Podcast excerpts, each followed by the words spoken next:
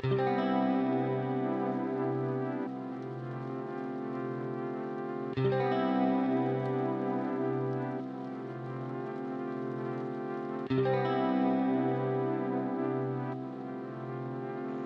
okay, welcome to Swasbada Podcast. Kali ini kita akan mengobrol dengan Mas Nabil Pratama. Dan beliau ini adalah salah satu livestock hipster kita, di mana saat ini bekerja sebagai CEO Behavior. Oke, Mas Nabil, langsung saja coba jelaskan tentang behavior itu apa sih, Mas? Biar kawan-kawan ini juga pada tahu nih. Oke, berarti kita bicerita kayak sejarahnya dulu kenapa namanya behavior juga kali ya, biar jelas gitu. Dan mungkin sama yang melatar belakangi kenapa ngambil di lebah gitu, kenapa nggak ternak lain kan pada dasarnya kan peternakan kan luas gitu nggak cuman lebah Betul. gitu kan. Oke mungkin sebelumnya uh, yang melatar belakangi saya itu ada beberapa hal dan faktor gitu mas Anom gitu. Yang pertama itu yang saya lihat itu adalah kelebihan dari lebah itu sendiri gitu. Di sini yang saya jadikan patokan itu atau yang membuat saya tertarik itu adalah tingkah laku dari lebah itu sendiri gitu. Kenapa saya juga beri nama behavior gitu. Be sendiri itu adalah lebah dan behavior itu adalah penggalan kata dari behavior sendiri gitu. Nah, kalau behavior sendiri itu apa sih gitu? Nah, behavior sendiri itu adalah di dunia peternakan kan kita tahu kalau behavior itu adalah tingkah laku gitu, tingkah laku hewan gitu. Jadilah behavior gitu. Nah, di sini juga apa ya kalau misalkan yang melatar belakangi saya itu yang tadi adalah kelebihan dari lebah itu sendiri gitu. Kalau misalkan di hewan ternak besar kayak misalkan sapi ayam domba dan segala macamnya kita harus mempersiapkan pakan untuk hewan itu sendiri gitu ternak itu sendiri gitu. Kayak kita karena kan pada dasarnya pakan itu adalah hal yang krusial di ternak gitu kalau saya pribadi mengatakan seperti itu dan beberapa ternak juga harus uh, pakan itu harus ad libitum atau selalu tersedia gitu sedangkan di sini lebah itu bisa melewati hal itu gitu. Jadi uh, tidak perlu dengan hal itu gitu. Kenapa gitu? Karena di sini lebah madu sendiri mereka itu bisa mencari makan sendiri gitu. Atau nama lainnya adalah foraging gitu di dunia apiari.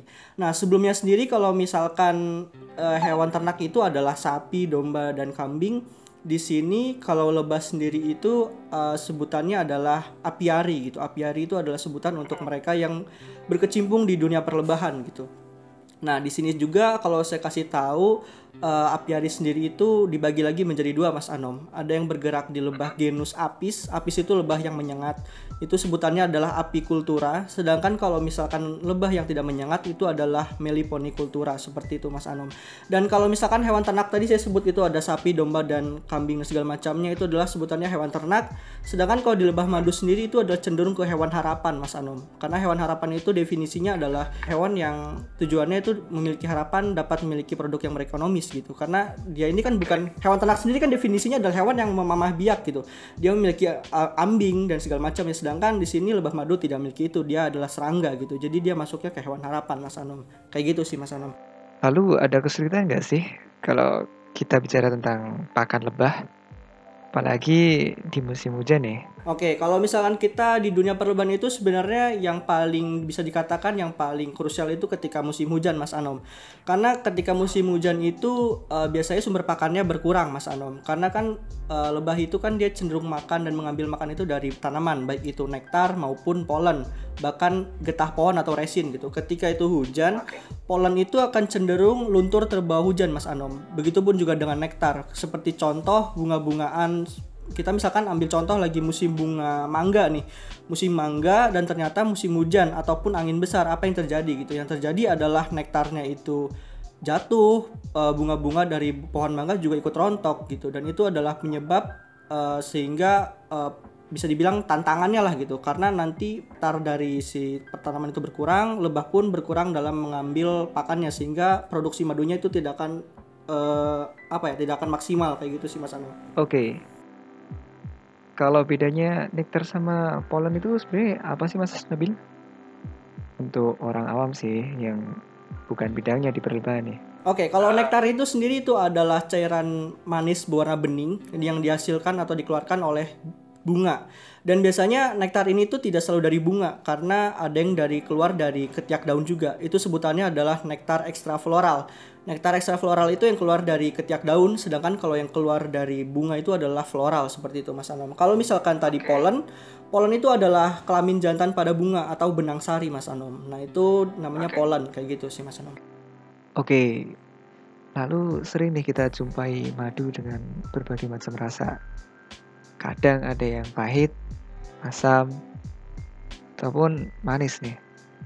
Itu jenis bunga tuh sebenarnya mempengaruhi nggak sih Mas Nabil?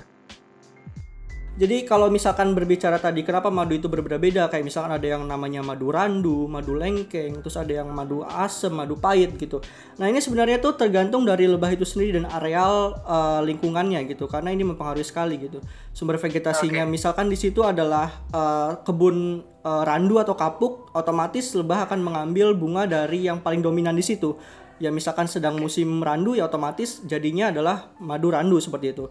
Dan kalau misalkan ada yang madu pahit itu cenderung dari tanaman-tanaman yang ekstra floral karena biasanya tanaman ekstra floral atau nektar yang keluar dari ketiak daun itu biasanya menghasilkan madu yang cenderung lebih pahit seperti itu Mas Anom. Oke, kalau untuk Nabil sendiri dan behavior itu mengembangkan eh, madu jenis apa ya atau lebah itu yang menghasilkan madu yang apa? Kan beda-beda nih yang besar sama yang kecil tuh loh, setahu. Iya iya iya. Ya. Kalau di dunia perlebahan sendiri ada dua kan yang umum diternakan gitu. Yang tadi jenis apis dan juga yang trigona atau lanceng yang kita kenal di orang Jawa sebutannya lanceng gitu. Nah kalau di behavior sendiri kita lebih ke untuk yang diproduksi ya. Untuk yang produksinya sendiri ada jenis namanya hetero trigona itama. Itu dia endemik dari Kalimantan dan juga Sumatera. Itu adalah lebah eh, trigona atau lanceng yang ukurannya besar. Karena kalau di trigona sendiri itu ukuran lebahnya itu mempengaruhi produksinya nan- nantinya gitu. Semakin besar ukuran lebahnya, itu kantung madunya juga akan semakin besar Mas Anom. Kalau misalkan lebahnya itu kecil, seperti contohnya yang endemik Jawa ada namanya Tetragonula levisep, itu ukurannya kecil hanya 3 mm saja, maka itu akan mempengaruhi dari kantong madunya juga. Kantung madunya juga sangat kecil Mas Anom.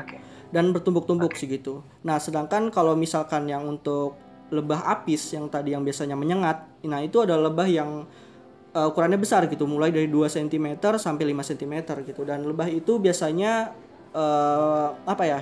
Itu untuk metode pemeliharaannya itu ada dua. Yang pertama itu ada yang namanya stationary, dia tuh menetap di suatu tempat dan ada yang satu lagi migratory, itu berpindah tempat dari satu tempat ke tempat lain. Kayak gitu Mas Anu. Oke, gitu. Kalau untuk yang lebah kecil tadi kan, itu kan eh, hasil madunya juga dikit kan? Ya, Dan apakah itu harganya juga lebih mahal atau atau gimana kalau gitu? Nah, ya kayak tadi contohnya kayak lebah genus dari Trigona sendiri dan genus yang apis.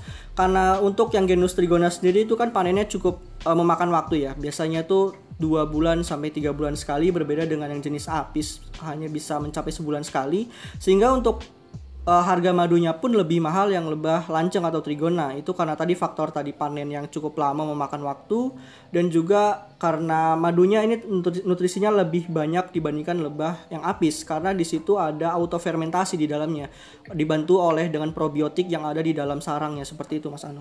Oke, untuk satu liternya berapa ya kalau yang yang apis sama yang trigona?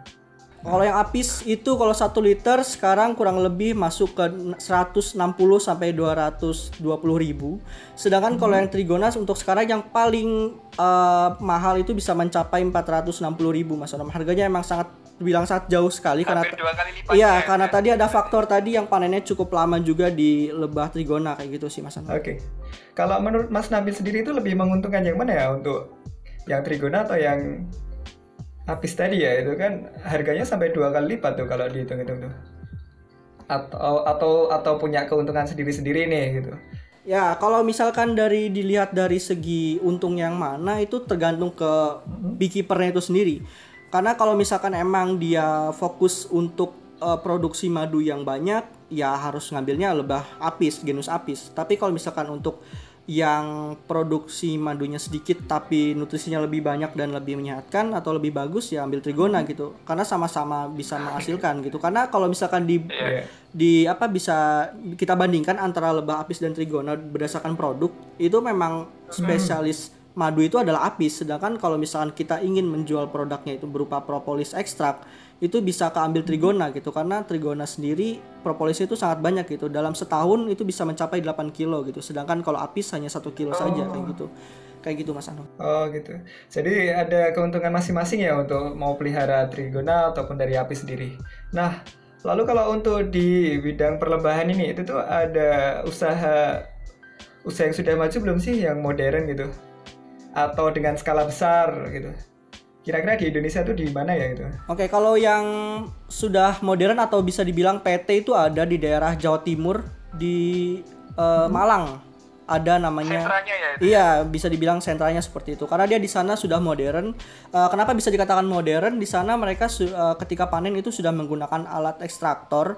Alat ekstraktor itu adalah alat yang digunakan untuk memudahkan para peternak lebah untuk memisahkan antara honeycomb dan madunya gitu. Jadi itu sudah mudah sekali lah dalam proses panen. Dan juga mereka itu punya ruangan khusus yang namanya evaporation room atau alat atau ruangan untuk menurunkan kadar air madu Mas Anom. Sedangkan kalau misalkan yang masih skala rumahan itu biasanya kalau misalkan mereka beternak di lebah apis itu cenderung belum memiliki ruangan penurunan kadar air Mas Anom karena ruangan ini didesain khusus untuk menyesuaikan dengan keadaan suhu di dalam kotaknya Mas Anom. Sekitar 30 sampai 32 derajat Celcius. Kayak gitu Mas Anom. Oke. Tadi kan uh, bicara tentang kadar air ya, tadi Nabil. Emang kadar air itu mempengaruhi dengan madunya apa apa gimana? Nah, menarik nih. Kalau misalkan mengenai kadar air itu sebenarnya adalah sudah standar nasional Indonesia, Mas Anom. Jadi kalau misalkan lebah apis dan trigona itu sudah punya SNI-nya berbeda-beda atau masing-masing. Kalau misalkan si lebah apis itu SNI-nya adalah 17 sampai 21%.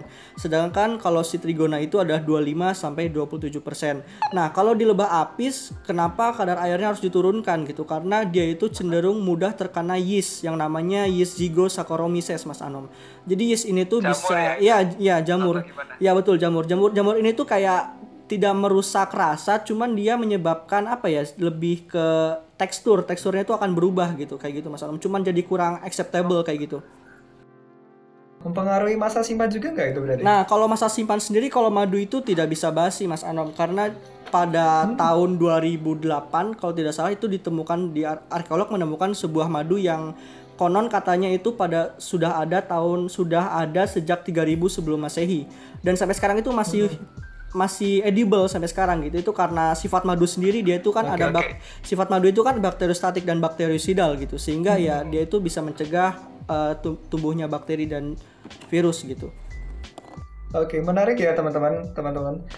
Jadi kalau madu itu kan, ya dari madu sendiri tuh yang saya tangkap dari Nabil tadi tuh dia tuh hampir tidak ada expired ya kalau bisa dikatakan gitu ya. Dan bahkan ada yang udah berumur lama dan itu bisa dimakan atau istilahnya edible gitu ya. Gitu. Oke, Nabil kalau misal dari industri kecil nih kita atau mau ngembangin suatu peternakan lebah nih itu ada hmm, ada yang perlu kita siapkan terlebih dahulu nggak sih? Oh, berarti kita kayak ke step-stepnya gitu ya? Iya, uh, sebelum masuk ke skala besar gitu. Oke, sebenarnya kalau kita mulai dari memulai dari kita ingin bergerak di dunia perlebahan atau di apiari itu eh, yang pertama diperhatikan itu adalah sumber vegetasinya.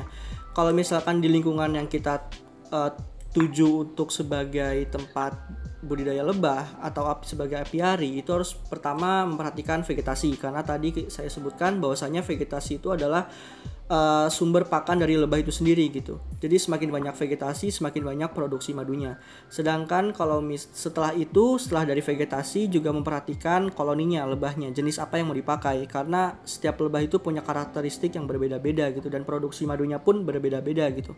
Nah, setelah itu baru kita memperhatikan letak atau lokasinya. Jadi maksud lokasi itu kita mau nyimpan lebah ini di mananya nih? Apakah di bawah pohon atau di mana gitu. Nah, di sini juga penting karena untuk menghindari predator dan hama, Mas Anom. Karena kalau misalkan predator itu kan eh, kita nggak tahu gitu dia nyerangnya kapan dan hama pun kita nggak tahu mereka menyerangnya kapan gitu karena ukurannya kadang ada yang kecil ada yang besar seperti itu.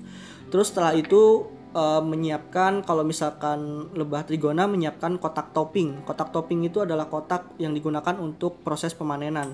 Nah, setelah itu kalau misalkan lebah apis menyiapkan alat transportasi untuk proses migratori. Karena untuk lebah apis itu dalam budidayanya paling direkomendasikan adalah menggunakan metode migratori. Karena untuk memindahkan dari satu lokasi ke lokasi lain berdasarkan uh, ini apa musim bunga seperti itu. Kayak gitu Mas Anu. Oke. Lalu untuk predator sendiri apa ya kalau kita kan mau pelihara lebah nih, predatornya dari lebah tuh apa sih sebenarnya? Oke, kalau sebelumnya ada tiga ya, ada predator, hama dan parasit gitu. Uh, mungkin okay. kalau predator sendiri itu adalah organisme yang uh, sifatnya itu memburu dan memangsa buruannya gitu.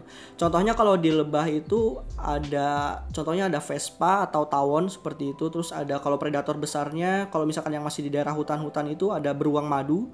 Terus juga ada katak, ada semut, dan juga uh, capung juga itu adalah predator dari lebah madu. Cuman yang paling masif penyerangannya itu adalah tawon seperti itu Mas Anun atau Vespa okay, species seperti itu. Oke, okay, Vespa itu seperti tawon ya? Iya, iya, betul betul Mas Anun. Oke, okay, kalau kalau misal ini nih, kalau semut kan dia emang suka madu juga. Ya. Jadi kita tahu kayak sebuah peribahasa bilang kayak ada gula ada semut gitu. Nah, kita tahu juga hmm. gitu kan kalau di madu itu bukan hanya fruktosa aja gitu. Di situ ada fruktosa, sukrosa gitu dan juga ada glukosa juga gitu. Dan kita tahu kan madu itu manis gitu dan semut pasti pasti akan datang ke tempat yang memang itu adalah atau itu adalah manis gitu. Dan madu pasti akan dikerubungi oleh semut juga gitu karena semut suka yang manis. Itu adalah yang realitanya gitu mungkin uh, kita lebih banyak didoktrin kayak madu yang asli itu nggak suka dikerubungin semut gitu Padahal itu sebenarnya adalah bisa dibilang apa ya? Itu adalah doktrin yang salah gitu. Ya karena ya, okay, okay. realitanya semut itu yang makan madu kan gitu karena madu itu manis kayak gitu. kayak gitu ya, Mas ya, Adon. Nah, lalu untuk membedakan madu palsu dengan madu asli itu gimana? Nah, kalau madu palsu dan asli itu mungkin banyak juga ya, mungkin kita dengar kayak uh, di, dimasukin ke kertas gitu, nanti dibakar gitu nanti kalau misalkan nggak kebakar itu palsu katanya gitu. Kalau kertasnya nggak kebakar palsu katanya. Terus kalau misalkan uh, dicelupin ke apa ya dikairin gitu. Kalau misalkan kena air dia langsung menyatu larut sama air itu palsu katanya. Nah sebenarnya enggak gitu. Madu yang paling mudah untuk di apa ya madu yang paling mudah untuk diketahui asli atau enggaknya tuh adalah pertama ya paling baik dan akurat itu adalah menggunakan uji lab gitu karena sekarang kalau misalnya kita melihat dengan cara visual saja gitu kayak kita kayak ngebandingin doang nih. Atau kita cuman organoleptik atau ngerasain secara langsung dengan nyobain gitu. Ah ini madunya asli nih kita cobain. Nah itu belum tentu. Karena kalau misalkan sekarang zaman sekarang ya orang yang uh, menjual madu palsu itu lebih pintar sekarang gitu. Dia terus mengupgrade skill kepalsuannya itu gitu loh. Karena gimana ya Uh, biasanya kalau misalkan dia jual madu palsu itu ada berbagai teknik yang dia lakuin Mas Anom. Pertama bisa bisa dia mencampur ada perbandingan misalkan 50 persennya madu gitu. Tapi 50 persen lagi tuh air air gula gitu. Dia campurin gitu, dia aduk gitu. Terus kalau misalkan madu palsu lain itu ada misalkan di madu trigona. Madu trigona itu kan cenderung asem ya, aromanya juga alkoholik gitu. Nah, terus kalau misalkan dia ngepalsuinnya gimana gitu? Ya biasanya dia campur dengan madu apis gitu. Madu apis dicampur untuk aroma alkoholiknya pakai madu trigona gitu. Dia campur gitu cuma biar dapat aromanya aja gitu. Terus yang kedua itu kalau misalkan madu trigona itu bisa dilihat dari warna ya. Kalau madu trigona itu lebih cenderung gelap kayak gini lah Mas Anom. Dia cenderung lebih gelap kayak gini. Terus ya, ya? iya ini madu trigona atau lanceng Terus kalau misalkan madu yang palsu, eh madu palsu, madu yang apis itu cenderung lebih terang Mas Anom. Dia lebih kayak gini, dia okay. lebih terang, dia lebih apa ya? Oh, bisa di, didekatkan di dua-duanya? Oh ya boleh boleh. Kayak gini. Uh, dibandingin. Nah bedanya okay. jauh kan. Ini yang yeah. madu apis, ini yang madu trigona gitu. Jadi perbedaannya cukup jauh gitu antara madu apis dan madu trigona kayak gitu Mas Anom. Oke. Okay. Iya tadi sudah dijelaskan madu asli atau palsu ya. Ya. Lalu kalau untuk ini nih, misal para peternak lebah itu kesulitan untuk mencari pakan nih, kira-kira ada nggak sih uh, sumber makanan untuk lebah itu sendiri? Kan bunga udah nggak berbunga nih, kan kadang bunga tuh musiman ya. Kira-kira untuk solusinya apa ya seperti itu? Kasih gula atau kasih molasses atau yang lain gitu gimana? Berarti di sini tuh kalau keadaannya lagi lagi ngasih bunga gitu. Nah di sini tuh sebenarnya tuh kalau misalkan kasih gula itu bisa jadi ke madu palsu Mas Anom. Karena ada namanya madu malam. Nah madu malam itu adalah madu yang di mana ketika malam hari itu peternak memasukkan air gula ke feeder frame. Feeder frame itu adalah tempat khusus untuk menyimpan makanan untuk lebah. Nah, itu biasanya nanti air gula dimasukkan ke situ. Nah, ketika mas di itu malam hari dikasih air gula, besoknya itu biasanya udah bisa dipanen, Mas Anong. Nah, jadi itu namanya madu palsu gitu. Nah, terus kalau misalkan tadi uh, apa? Kalau misalkan pakan bunganya itu habis di lingkungan terus caranya pakai apa gitu. Nah kita bisa menggunakan namanya pollen substitute mas Anom. Jadi itu adalah pollen buatan atau artifisial lah gitu. Jadi pollen substitute ini bisa dibikin dengan cara menyesuaikan dengan protein atau nutrisi yang dibutuhkan oleh si lebah itu gitu. Pertama itu bisa diganti dengan skim. Hmm, skim oke. Okay. Ya, ataupun skim. pakai uh, kedelai yang sudah bubuk serbuk atau serbuk kedelai seperti itu. Serbuk kedelai campur uh, atau skim nanti dicampur dengan yeast itu dicampur itu itu bisa ditambah air untuk uh, menjadikannya sebagai bentuk pasta atau dibentuk seperti crumble seperti itu itu biasanya nanti lebah akan mengambil dari situ untuk memenuhi kebutuhan proteinnya kayak gitu mas Anom. Oke, okay. uh, tapi kalau uh, lebah itu makan yang disebutkan oleh Mas Nabil tadi, kira-kira kalau dijual untuk umum itu tuh masih layak nggak sih madunya itu? Apa cuma untuk mempertahankan lebahnya aja itu? Nah, kalau yang tadi itu sebenarnya nggak layak Mas Anum, karena itu bisa uh, apa ya bisa dikatakan itu membohongi konsumen gitu. Karena itu kan madu yang dihasilkan itu adalah buatan gitu, bukan pure dari tanaman atau nektar yang ada di lingkungan gitu. Jadi itu bisa dikatakan uh, pembohongan untuk konsumen gitu. Nah, biasanya uh, dipanen lagi tuh ketika sudah musim bunga tiba lagi gitu. Jadi yang tadi itu akan habis oleh lebah di, untuk dimakan, dikonsumsi dan ketika musim bunga ah. tiba itu akan digantikan dengan nektar yang sebenarnya kayak gitu sih Mas Anom. Baru bisa dipanen okay. lagi. Oke, jadi bisa uh, bisa digarisbawahi kalau uh, yang Mas Nabil sebutkan tadi untuk mempertahankan lebahnya saja ya, tetapi tidak untuk dijual gitu. Kalau untuk bilang madu asli gitu ya. Ya betul banget Mas Anom. Oke, ini ada pertanyaan dari Mas Yuli juga nih. Kalau untuk lingkungan yang ideal buat lebah yang ada di Indonesia itu yang seperti apa sih Mas Nabil? Itu. Oke, makasih Mas Yuli buat pertanyaannya. Jadi kayak gini, uh, Mas Anom juga makasih Mas Anom. Jadi kalau misalkan hmm. soal lebah sendiri lingkungan yang ideal seperti apa? Uh, di Indonesia itu kan lebih cenderung dia tuh kan punya cuma dua musim ya, nggak ada musim salju dan segala macam gitu. Di mana hmm. tempat di Indonesia ini bisa dibilang paling cocok dan potensial gitu. Karena bisa kita lihat gitu tadi saya bilang nggak ada musim dingin gitu. Jadi untuk proses dia beter untuk pemeliharaannya sendiri itu sangat sustainable gitu. Bisa terus berjalan sampai lama lah bisa dikatakan seperti itu. Ya karena di sini juga kita bisa tahu gitu uh, idealnya itu dari mana gitu. Idealnya tuh ya keadaan di Indonesia tuh hangat gitu. Dia hangat dan uh, bisa dibilang juga dia ini tempat uh, tempat untuk perlebahan ini sangat cocok gitu. Bisa kita ketahuin juga dari tadi pertama dari suhu, lalu juga bisa dilihat dari keadaan lingkungan sekitarnya gitu. Kalau misalkan memang lingkungan sekitarnya tidak cocok atau karena vegetasinya kurang, kita bisa mengakali dengan ikut membantu lebah itu dengan menanam vegetasi juga gitu. Terus kalau misalkan uh, idealnya lagi itu dari mana bisa dilihat dari uh, ini apa silba itu sendiri. Biasanya untuk peternak itu sebelum mm, memelihara lebah itu biasanya mereka menyimpan koloni itu untuk uji coba dulu gitu untuk mengetahui suhu lingkungannya dulu. Karena untuk suhu sendiri itu sangat krusial di lebah. Ketika suhunya di bawah 18 derajat celcius lebah itu biasanya melakukan uh, tingkah laku yang namanya grouping. Grouping itu dia berkelompok di dalam sarang. Sedangkan kalau misalkan suhu ya grouping. Ketika suhunya di atas 35 derajat biasanya lebah itu akan melakukan minggat dari sarang atau absconding namanya. Nah, jadi absconding ini tingkah laku dia untuk melarikan diri dari kotak untuk ke tempat yang lebih sejuk seperti itu Mas Anom.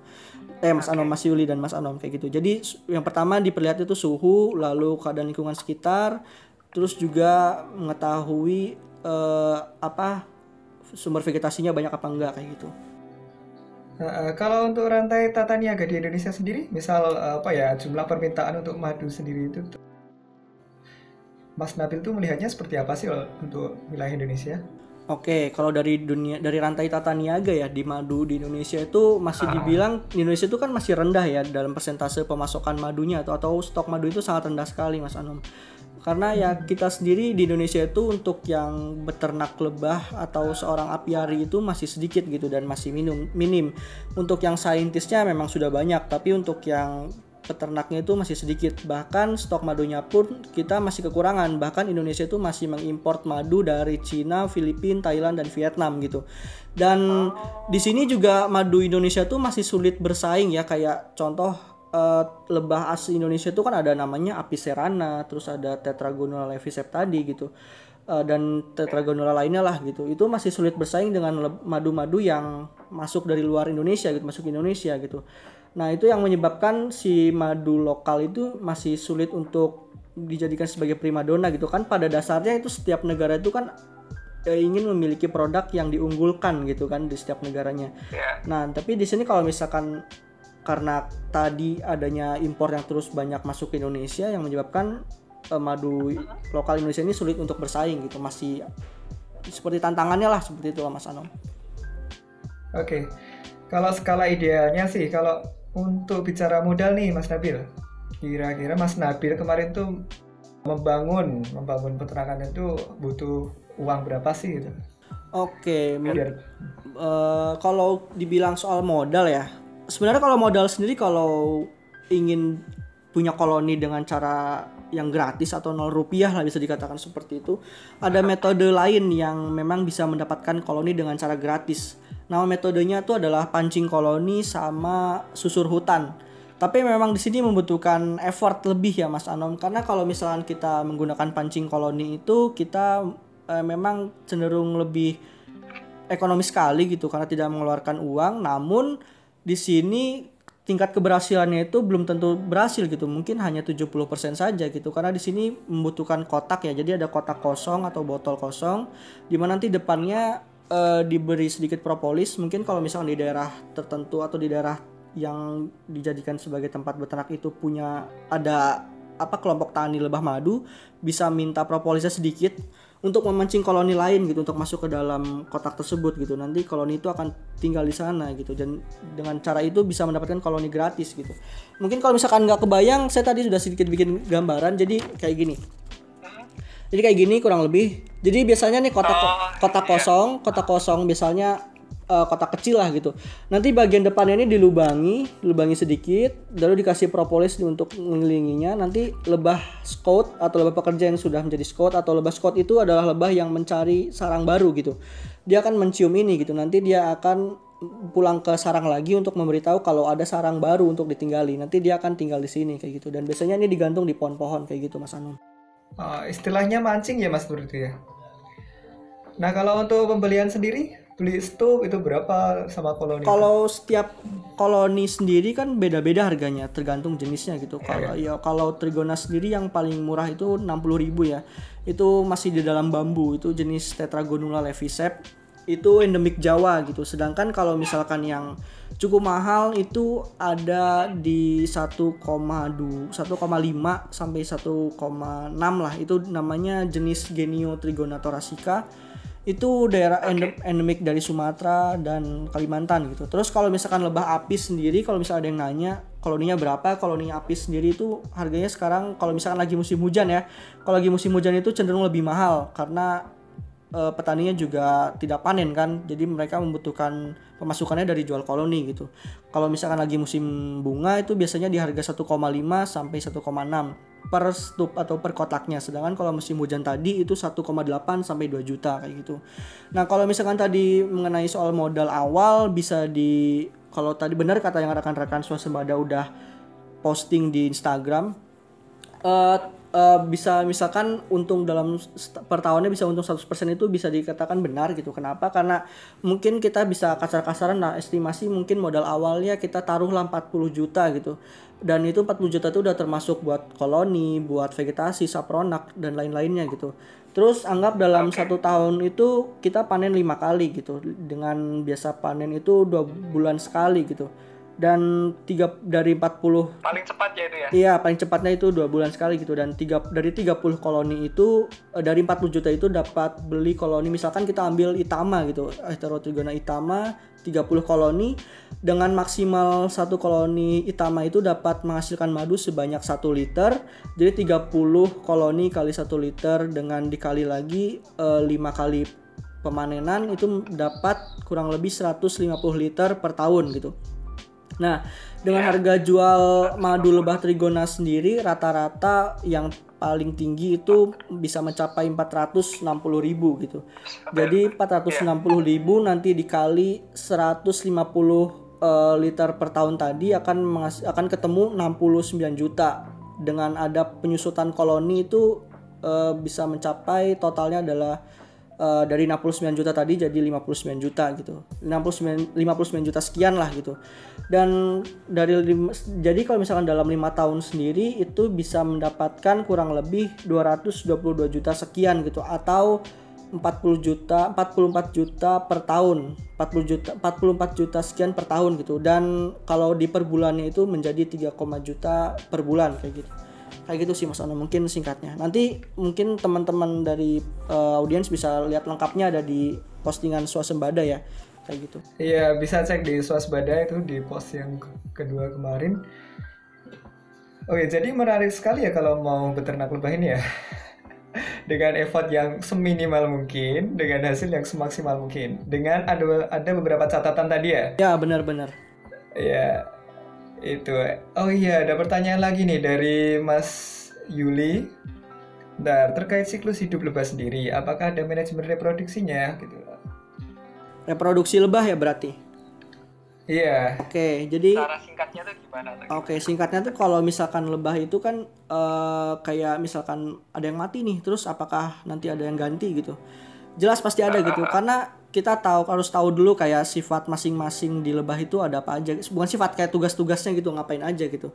Kan lebah ini disebut sebagai hewan polimorfisme gitu. Polimorfisme itu adalah hewan yang di mana setiap individunya memiliki tugas dan eh, tubuh yang berbeda gitu sehingga ya berbeda-beda tadi gitu.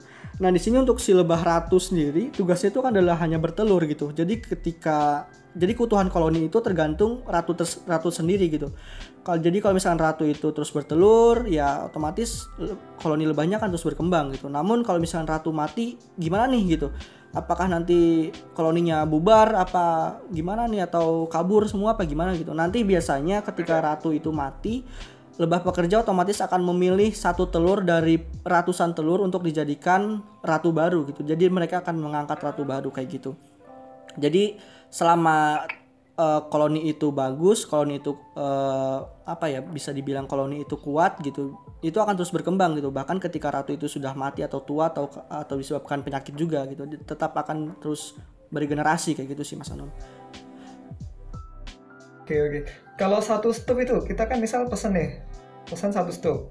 Kira-kira mortalitasnya berapa sih gitu? Kalau mortalitasnya eh, saya kira-kira aja ya kayaknya. Kalau dikira-kira kemungkinan eh, ya paling 10% lah gitu, 10% dari skala 100 gitu. Iya.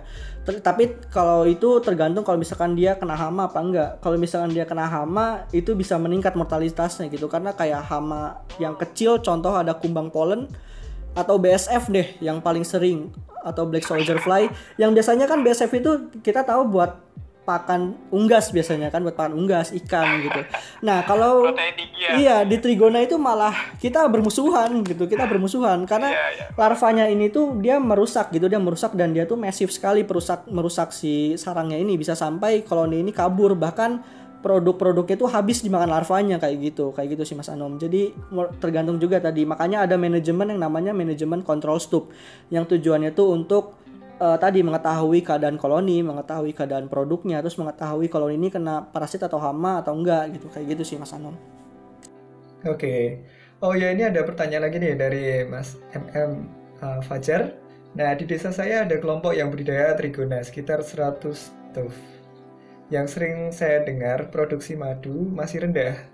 Solusinya gimana ya kalau Kalau dari solusi sendiri dari saya eh, pertama harus dilihat dulu sumber vegetasi di daerah tersebut itu memang memungkinkan atau enggak gitu. Apakah cukup apa enggak gitu. Dari 100 stup sendiri itu eh, lebah apa yang dipakai? Apakah emang jenis trigona atau jenis apis? Kalau misalkan memang itu jenis apis dan peliharaannya adalah menetap atau stationary itu pasti produksinya menurun atau rendah. Itu karena tadi saya bilang lebah apis itu lebih bagus di angon atau di migratory gitu. Nah, kalau misalkan itu lebah trigona harus tahu dulu jenis trigonanya jenis trigona apa gitu. Kalau misalkan memang itu ada trigona levisept atau tetragonala levisept memang produksi madunya rendah gitu. Dan untuk em, meningkatkan produksinya itu dengan cara apa? Ya pertama ya tadi gitu. Kita harus ikut membantu dalam silba ini memproduksi madu. Ya salah satu caranya dengan menanam vegetasinya gitu. Kita menanam tanaman yang tanaman itu adalah sumber nektar gitu. Kayak contohnya ada dombea lalu ada air mata pengantin lalu ada eh, apalagi kayak sikat botol terus ada lagi cupea dan segala ada nyamplung dan segala macamnya lah. Pokoknya tanaman yang sumber nektar. Dengan banyaknya sumber nektar otomatis nanti produksinya juga akan meningkat. Kayak gitu sih. Dan juga harus diketahui juga eh, keadaan tanah di sana itu gimana gitu? Karena keadaan tanah itu mempengaruhi eh, sumber nek mempengaruhi banyaknya atau tidaknya nektar yang dihasilkan oleh tanaman tersebut gitu. Kalau misalkan tanahnya ternyata itu nggak subur otomatis akan mempengaruhi nektar dari tanaman-tanaman yang ada di sana gitu. Dan untuk menap- meminimalisirnya ya harus salah satu caranya menggemburkan tanah terlebih dahulu gitu agar si fungsi tanah itu kembali seperti apa ya sejatinya lah kayak gimana sih tanah itu fungsinya untuk tanaman gitu kan untuk ya kayak gitu sih Mas Anum. Oke, jadi menarik kita bicara lebah sampai ke tanaman bahkan sampai ke tanah juga nih ya. Ya, Bahkan jangan-jangan sampai lebah ini sebagai agen reboisasi ini nanti malah. wah bisa bisa bisa dibilang sih betul. Karena kalau misalkan ngomong soal agen reboisasi, saya jadi ingat statement dari uh, Albert Einstein yang bilang kalau misalkan leb- kalau lebah madu itu punah dari bumi, manusia itu cuma bisa bertahan 4 tahun aja gitu. Dan ketika saya dengar, ketika saya baca dan saya cermati mengenai statement ini, ya menurut saya ya benar juga gitu. Kenapa gitu? Karena kan lebah itu kan dia memegang peranan penting 80% polinasi di bumi gitu dan 20%-nya lagi oleh oleh hewan-hewan lain dan bu, oleh dan juga oleh angin dan juga udara gitu. Nah, terus kalau misalkan lebah punah lalu tinggal 20%-nya tadi otomatis kayak si tanaman-tanaman ini kan nggak su- nggak tumbuh subur dengan baik gitu. Otomatis ini akan mempengaruhi produsen satunya kayak hewan-hewan herbivora gitu. Hewan-hewan herbivora Oke. nanti kekurangan pakan gitu. Kekurangan pakan akhirnya mereka ya mungkin akan extinction juga atau kepunahan juga. Dan itu dari situ akan mempengaruhi ke predator satunya yaitu ya mungkin ada harimau, macan dan segala macamnya. Mereka akan kanibalisme.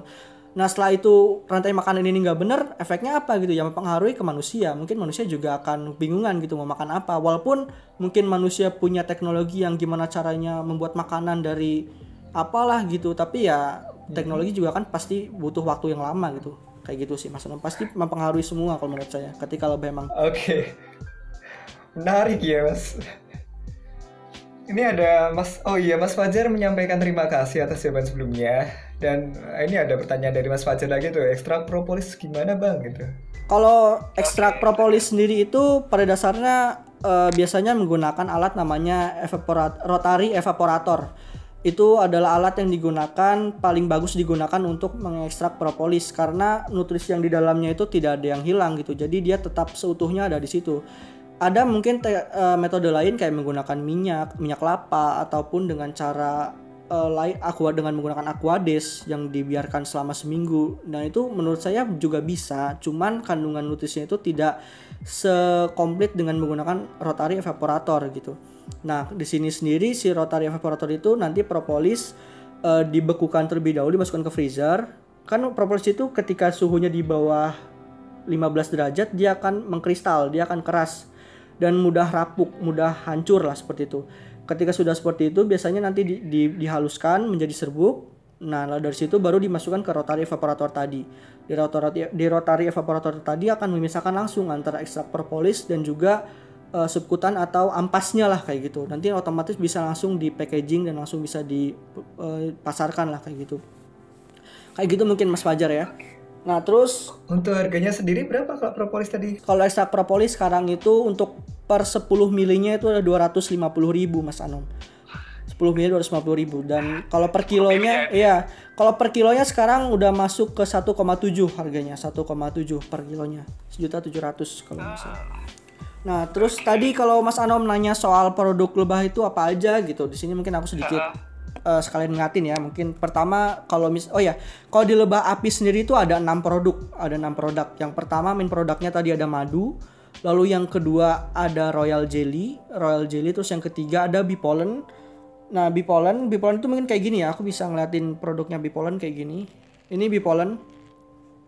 Ini bipolen. Nah ini bipolen Nah, jadi bipolen itu bentuknya kayak serbuk ya. Jadi polen itu kayak dari bunga-bunga gitu ya, dari bunga-bunga yang kenapa bisa bentuknya crumble kayak gini? Karena dia itu mencampurkan salivanya gitu atau air liurnya sehingga bentuknya seperti biji-biji kayak gini. Ini adalah bipolen gitu. Nah, ini bipolen. Oke, setelah dari bi- bi- bipolen ada lagi namanya wax atau eh, lilin lebah. Lilin lebah itu kayak gini. Lilin lebah sekarang kalau dijual itu berbentuk balok kayak gini. Nah, ini lilin lebah. Lilin lebah itu diproduksi oleh lebah juga. Nah, lilin lebah, setelah lilin lebah ada namanya apitoksin. Apitoksin atau racun lebah sendiri. Nah, racun lebah sendiri itu biasanya dipakai untuk terapi sekarang. Nah, terus ada lagi produk lainnya adalah propolis yang tadi. Nah, propolis juga ada gitu. Itu tadi ada enam produk yang ada di lebah apis. Sedangkan kalau di lebah trigona itu cuma ada tiga. Yang pertama ada propolis, propolis. Ini ada propolis. Lalu setelah ada propolis itu ada namanya madu, main produknya jelas adalah madu. Setelah madu ada yang namanya eh, bipolen. Kalau di trigona cuma ada tiga, madu, propolis dan bipolen aja kayak gitu. Oh, ter- terkait harganya berapa itu, Bill? Yang mana? Yang terkait propolis, madu bipolen itu. Harganya berapa aja ya? Atau yang paling mahal nih ya? Itu. Oke, kalau yang paling mahal itu jelas ada di Apis yang Royal Jelly. Royal Jelly dan Apitoxin itu paling mahal di antara semua produk-produk lebahnya. Ya karena tadi Royal Jelly sendiri untuk panennya tuh agak sulit ya Mas Anom karena memakan waktu gitu. Karena untuk panen Royal Jelly itu harus membutuhkan eh, artificial queen cell atau wadah ratu gitu. Karena kan si Royal Jelly ini kan makanan khusus untuk ratu gitu. Jadi ketika ratu ini mau dibikin atau mau di jadi atau larva ini mau dijadikan ratu baru itu biasanya lebah pekerja itu menyiapkan royal jelly untuk larva tersebut gitu. Nah jadi nanti dipanen larvanya dibuang royal jelly-nya diambil kayak gitu. Mungkin ada fotonya juga di swasembada ya fotonya nanti bisa dilihat teman-teman kayak gitu. Nah, terus kalau misalkan harga yang kedua yang termahal itu ada di apitoksin atau racunnya gitu atau bivenom. Nah, di Indonesia sendiri untuk alat menga- memanen racun dari lebah itu masih sedikit nih Mas Anam. Bahkan kalau saya pantau sampai sekarang itu belum ada gitu. Karena si alat bivenom collector ini baru ada di Eropa gitu. Namanya nama alatnya itu bivenom collector. Jadi alat ini tuh khusus untuk memanen racun lebah gitu. Jadi di mana nanti alat ini tuh ada getaran listrik dengan volt yang sangat rendah seperti hanya bikin lebah ini terasa terganggu gitu. Jadi ntar lebah itu akan melakukan racunnya dan akan jatuh di bagian plat bawah. Plat bawah itu ada kaca dan nanti racunnya akan menetes di situ gitu. Dan nanti bisa di, preparat gitu ya? Iya, jadi ada kayak preparatnya gitu. Nah, nanti itu bisa langsung dipanen kayak gitu. Dan itu harganya sekarang eh, per gramnya itu masuk ke 400 sampai lim- 600 ribu. Waktu itu saya pernah beli soalnya dari karena di Indonesia belum ada karena waktu itu saya nyari nggak ada gitu ya. Saya sam- saya nyari sampai ke Sweden waktu itu, nyari ke Sweden dapat 8 gram itu 800 ribu gitu. Itu cuman kecil banget. Bentuknya tuh kayak ketombe kalau saya bilang gitu. karena emang benar itu benar-benar kecil serbuk gitu benar-benar kayak gitu dan itu mahal banget gitu per 8 gramnya 500 sampai 800 ribu lah segitu. Sebenarnya kelebihannya tuh apa sih kalau menurut Mas Nabil sendiri untuk yang apitoksin bivenom tadi tuh? Nah kalau bivenom sendiri itu kan dia itu ada yang namanya eh, ini ada namanya melitin nama nah, nutrisi yang terka- paling banyak di dalam apitoksin itu ada namanya melitin. Nah melitin ini di- eh, berfungsi sebagai apa ya bisa dikatakan sebagai eh, imunomodulator juga. Jadi dia tuh bisa meningkatkan imunitas seseorang gitu. Cuman di sini eh, ada beberapa orang yang alergi dengan racun lebah gitu. Cuman kalau misalkan kita lihat itu jarang sekali yang terkena alergi racun lebah ini gitu. Hanya sepersekian orang sajalah bisa kalau dibandingkan itu bisa satu skala skalanya bisa satu banding seribu gitu. Dan ini jarang banget gitu orang yang kena alergi racun lebah gitu. Dan kalau misalkan tadi si Royal Jelly, Royal Jelly itu untuk apa? Royal Jelly itu anti aging Mas Sanom. Jadi itu buat anti penuaan lah Penuaan, ya. benar. Jadi dia tuh bisa bikin makanya royal jelly ini biasanya dipakai untuk bahan-bahan skincare gitu. Buat masker buat sabun buat sampo dan segala macam. Biasanya royal jelly dipakai kayak gitu. Dan propolis itu karena dia punya sifatnya anti inflamasi juga. Jadi eh, dia dipakai biasanya kayak buat odol terus biasanya bisa dipakai buat eh, eh, obat-obatan setelah pasca operasi gitu. Karena dia ini bisa tadi anti inflamasi gitu anti pembengkakan lah kayak gitu jadi lebih cepat sembuh gitu kayak gitu kayak gitu sih mas Anum Baik. Baik, terima kasih Nabil. Oh iya, ini ada dari Pak Rahmat. Tadi kita udah menjelaskan ya terkait potensi usaha lebah di Indonesia nih. iya Tadi kan sudah nih. Nanti silakan dicek lagi untuk Pak Rahmat. Lalu ada pertanyaan lagi dari Mas Wisnu Bawono nih. Mas Nabil, mau tanya dong. Apakah peternakan lebah atau madu bisa terintegrasi dengan sawit? Nih, menarik nih. wah? Ini bagus banget sih. Jadi kan sawit itu kita tahu sawit itu juga mereka itu punya sawit itu punya bunga ya. Mereka tanaman sawit itu punya bunga gitu dan eh, sawit itu kan ada buahnya ya buah sawit itu sendiri gitu. Nah, di sini lebah tuh karena tadi saya bilang dia tuh agen polinasi 80% di bumi gitu. Kalau misalkan kebun sawit itu mau memiliki sawit yang banyak dan emang nggak ada yang gagal atau sawitnya besar-besar gitu, biasanya pakai lebah gitu. Karena di luar negeri pun lebah madu itu dipakai jasanya untuk penyerbukan sebuah kebun tanaman gitu. Kayak misalkan tanaman kacang mede gitu ataupun eh, buah-buahan. Biasanya mereka menyewa per lebah gitu untuk eh, menyerbuki atau mempolinasi eh, kebun-kebun mereka gitu. Karena hasil yang diserbuki oleh lebah itu produknya lebih besar-besar gitu. Kayak misalkan buah melon itu biasanya ukurannya lebih besar dan lebih manis cenderung lebih manis gitu dibandingkan dengan eh, bantuan angin atau dan lain-lainnya seperti itu. Kayak gitu sih mungkin Mas Bawon gitu ya. Makasih Mas Bawon. Nanti ada integrasi sapi dengan sawit tambah madu nih. ya betul. Jadi ada simbiosis mutualisme antara si eh, lebah dan si sawit gitu. Nanti sawitnya besar-besar gitu bisa panennya bagus lebahnya bisa dapat nektar banyak dari si sawitnya itu gitu. Iya. Begitu Mas Wisnu Bawono atas pertanyaan. Kami ucapkan terima kasih juga. Ada pertanyaan lagi nih dari Mas Lukman nih. Mas Nabil, izin bertanya, apakah level kebisingan itu bisa mempengaruhi produktivitas lebah? Mengingat rumah yang sangat rumah saya yang sangat berdekatan dengan jalan raya. Oke Gimana Bil? Oke, jadi gini, eh, Mas Lukman, oke Mas Lukman, eh, kalau misalkan dari segi kebisingan itu enggak, enggak, enggak terlalu signifikan dalam mempengaruhi produktivitas lebah madu ya.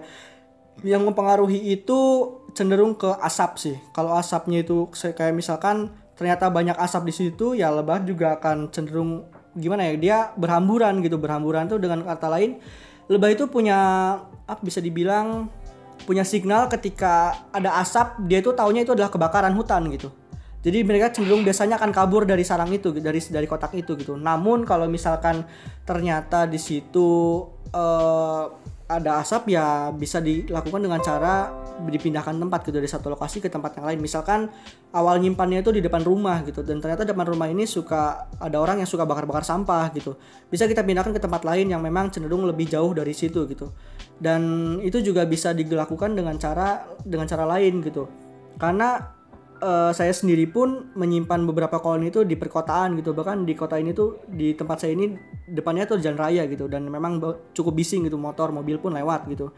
Tapi itu tidak mempengaruhi si lebah gitu. Karena yang tadi yang untuk mempengaruhi produktivitas itu adalah sumber vegetasi yang paling penting kayak gitu sih. Oke.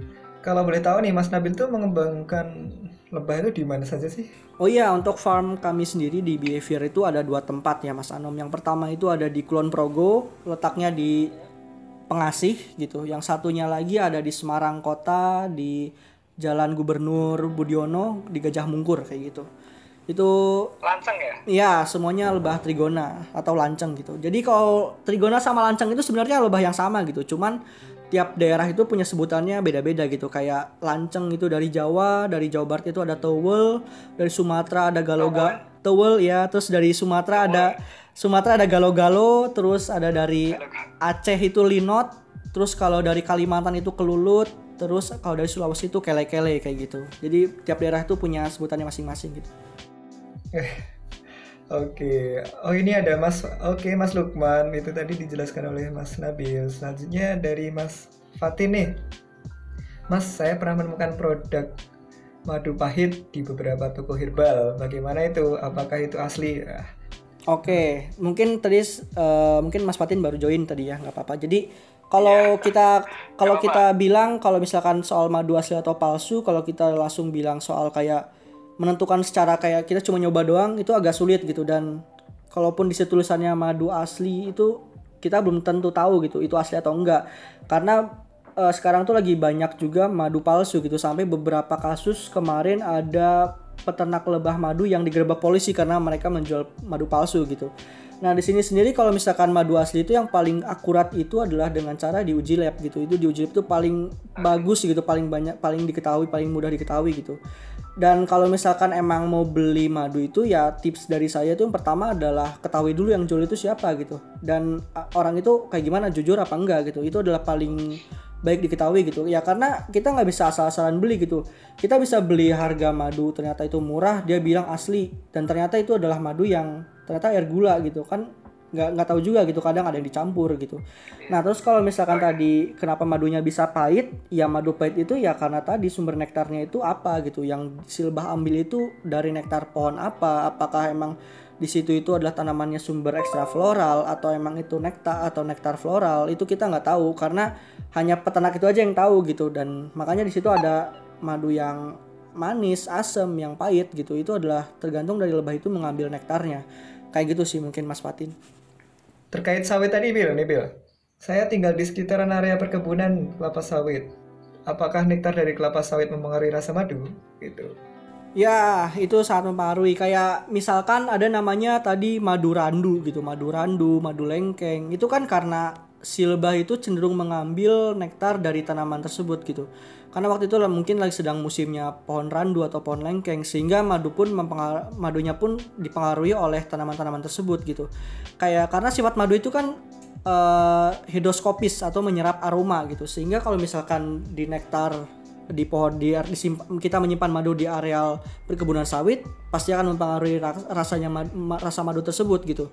Ya saya kurang tahu ya rasa sawit itu kayak gimana. Saya belum pernah nyoba soalnya dan aromanya pun saya belum pernah cium. Tapi pasti itu mempengaruhi. Minyak kelapa sawit, Bil. Tidak tidak tidak jauh seperti itu. Oh iya iya itu iya iya benar benar. Oke oke itu itu pasti mempengaruhi aromanya karena tadi saya sebut eh, madu itu kan sifatnya hidroskopis dia menyerap aroma sehingga ya pasti akan mempengaruhi dari aroma madu tersebut gitu. Bisa mungkin jadi madu sawit seperti itu. Pasti itu pasti bisa bisa mempengaruhi kayak gitu. Oke, Nabil, terima kasih ya.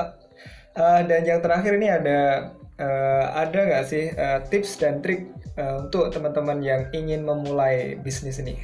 Oke, kalau tips and trick dari saya sendiri sebelum eh, bergerak di bidang perlebahan atau apiari, yang pertama harus dipersiapkan itu adalah eh, sumber vegetasinya.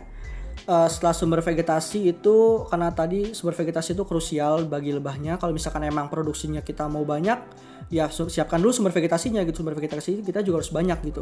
Nah, setelah sumber vegetasi baru kita perhatikan lebahnya, lebah apa yang mau kita pakai gitu, jenis apa gitu. Kalau saya sendiri itu punya kode sendiri namanya PAK gitu. P-nya itu adalah pelajari pelajari dan tanam vegetasi. Yang keduanya tuh A-nya itu adalah amati dan ketahui lebah yang ingin diternakan. Terus kalau K-nya itu kuasai dan penempatan koloni yang baik gitu. Nah, di situ adalah kunci kesuksesan dari saya sendiri kalau dari saya. Karena kalau tadi kenapa yang K-nya itu adalah penempatan koloni yang baik? Ya tadi untuk menghindari predator, hama dan juga eh, penyakit gitu. Dengan ada dengan memperhatikan itu ya koloni kita bisa berkembang dan terus menghasilkan produksi madu yang baik dan maksimal kayak gitu sih Mas. Mas Anom. Oke, terima kasih Nabil sebagai CEO Behavior. Eh, lalu yang terakhir nih, nah eh, memang eh, dari dari perkataan Nabil tadi itu eh, bisa dikatakan bahwa usaha lebah madu itu tuh bisa untung lebih dari 100% per tahun. Itu benar ya? Dengan kita pertimbangkan beberapa faktor tadi gitu. Seperti suhu, musim, terus di lingkungan itu seperti apa juga mempengaruhi ya tadi ya. Oke, nanti terima kasih Mas Nabil, terima kasih banyak. Semoga Mas Nabil juga sehat-sehat terus gitu. Oh iya nih, waktu pandemik ini baik ya kita minum madu ya. Oh bener banget, madu itu ba- bagus banget ketika lagi musim pandemi ini. Karena tadi sifat madu adalah imunomodulator gitu, dia meningkatkan imunitas. Karena bisa menjaga imun ketika musim pandemi gitu, biar lebih kuat lah gitu. Baik, terima kasih Mas Nabil. Sampai jumpa. Semangat ya. Oke. Siap. Terima kasih Mas Anom atas waktunya. Saya juga terima kasih buat Swasembada dan juga teman-teman yang udah hadir di Swasembada untuk mendengarkan podcast kali ini mungkin ya. Terima kasih juga mungkin buat semuanya. Eh, mohon maaf bila ada masih ada kesalahan kata ataupun jawaban yang kurang memuaskan. Saya ucapkan terima kasih. Namun kalau misalkan ada yang masih ingin berbicara mengenai perlebahan bisa kontak saya di behavior underscore ID. Kita bisa membahas perlebahan di sana. Mungkin gitu aja. Terima kasih Mas Anom. Terima kasih Swasembada. Terima kasih. Semoga sehat terima selalu. kasih, Mas.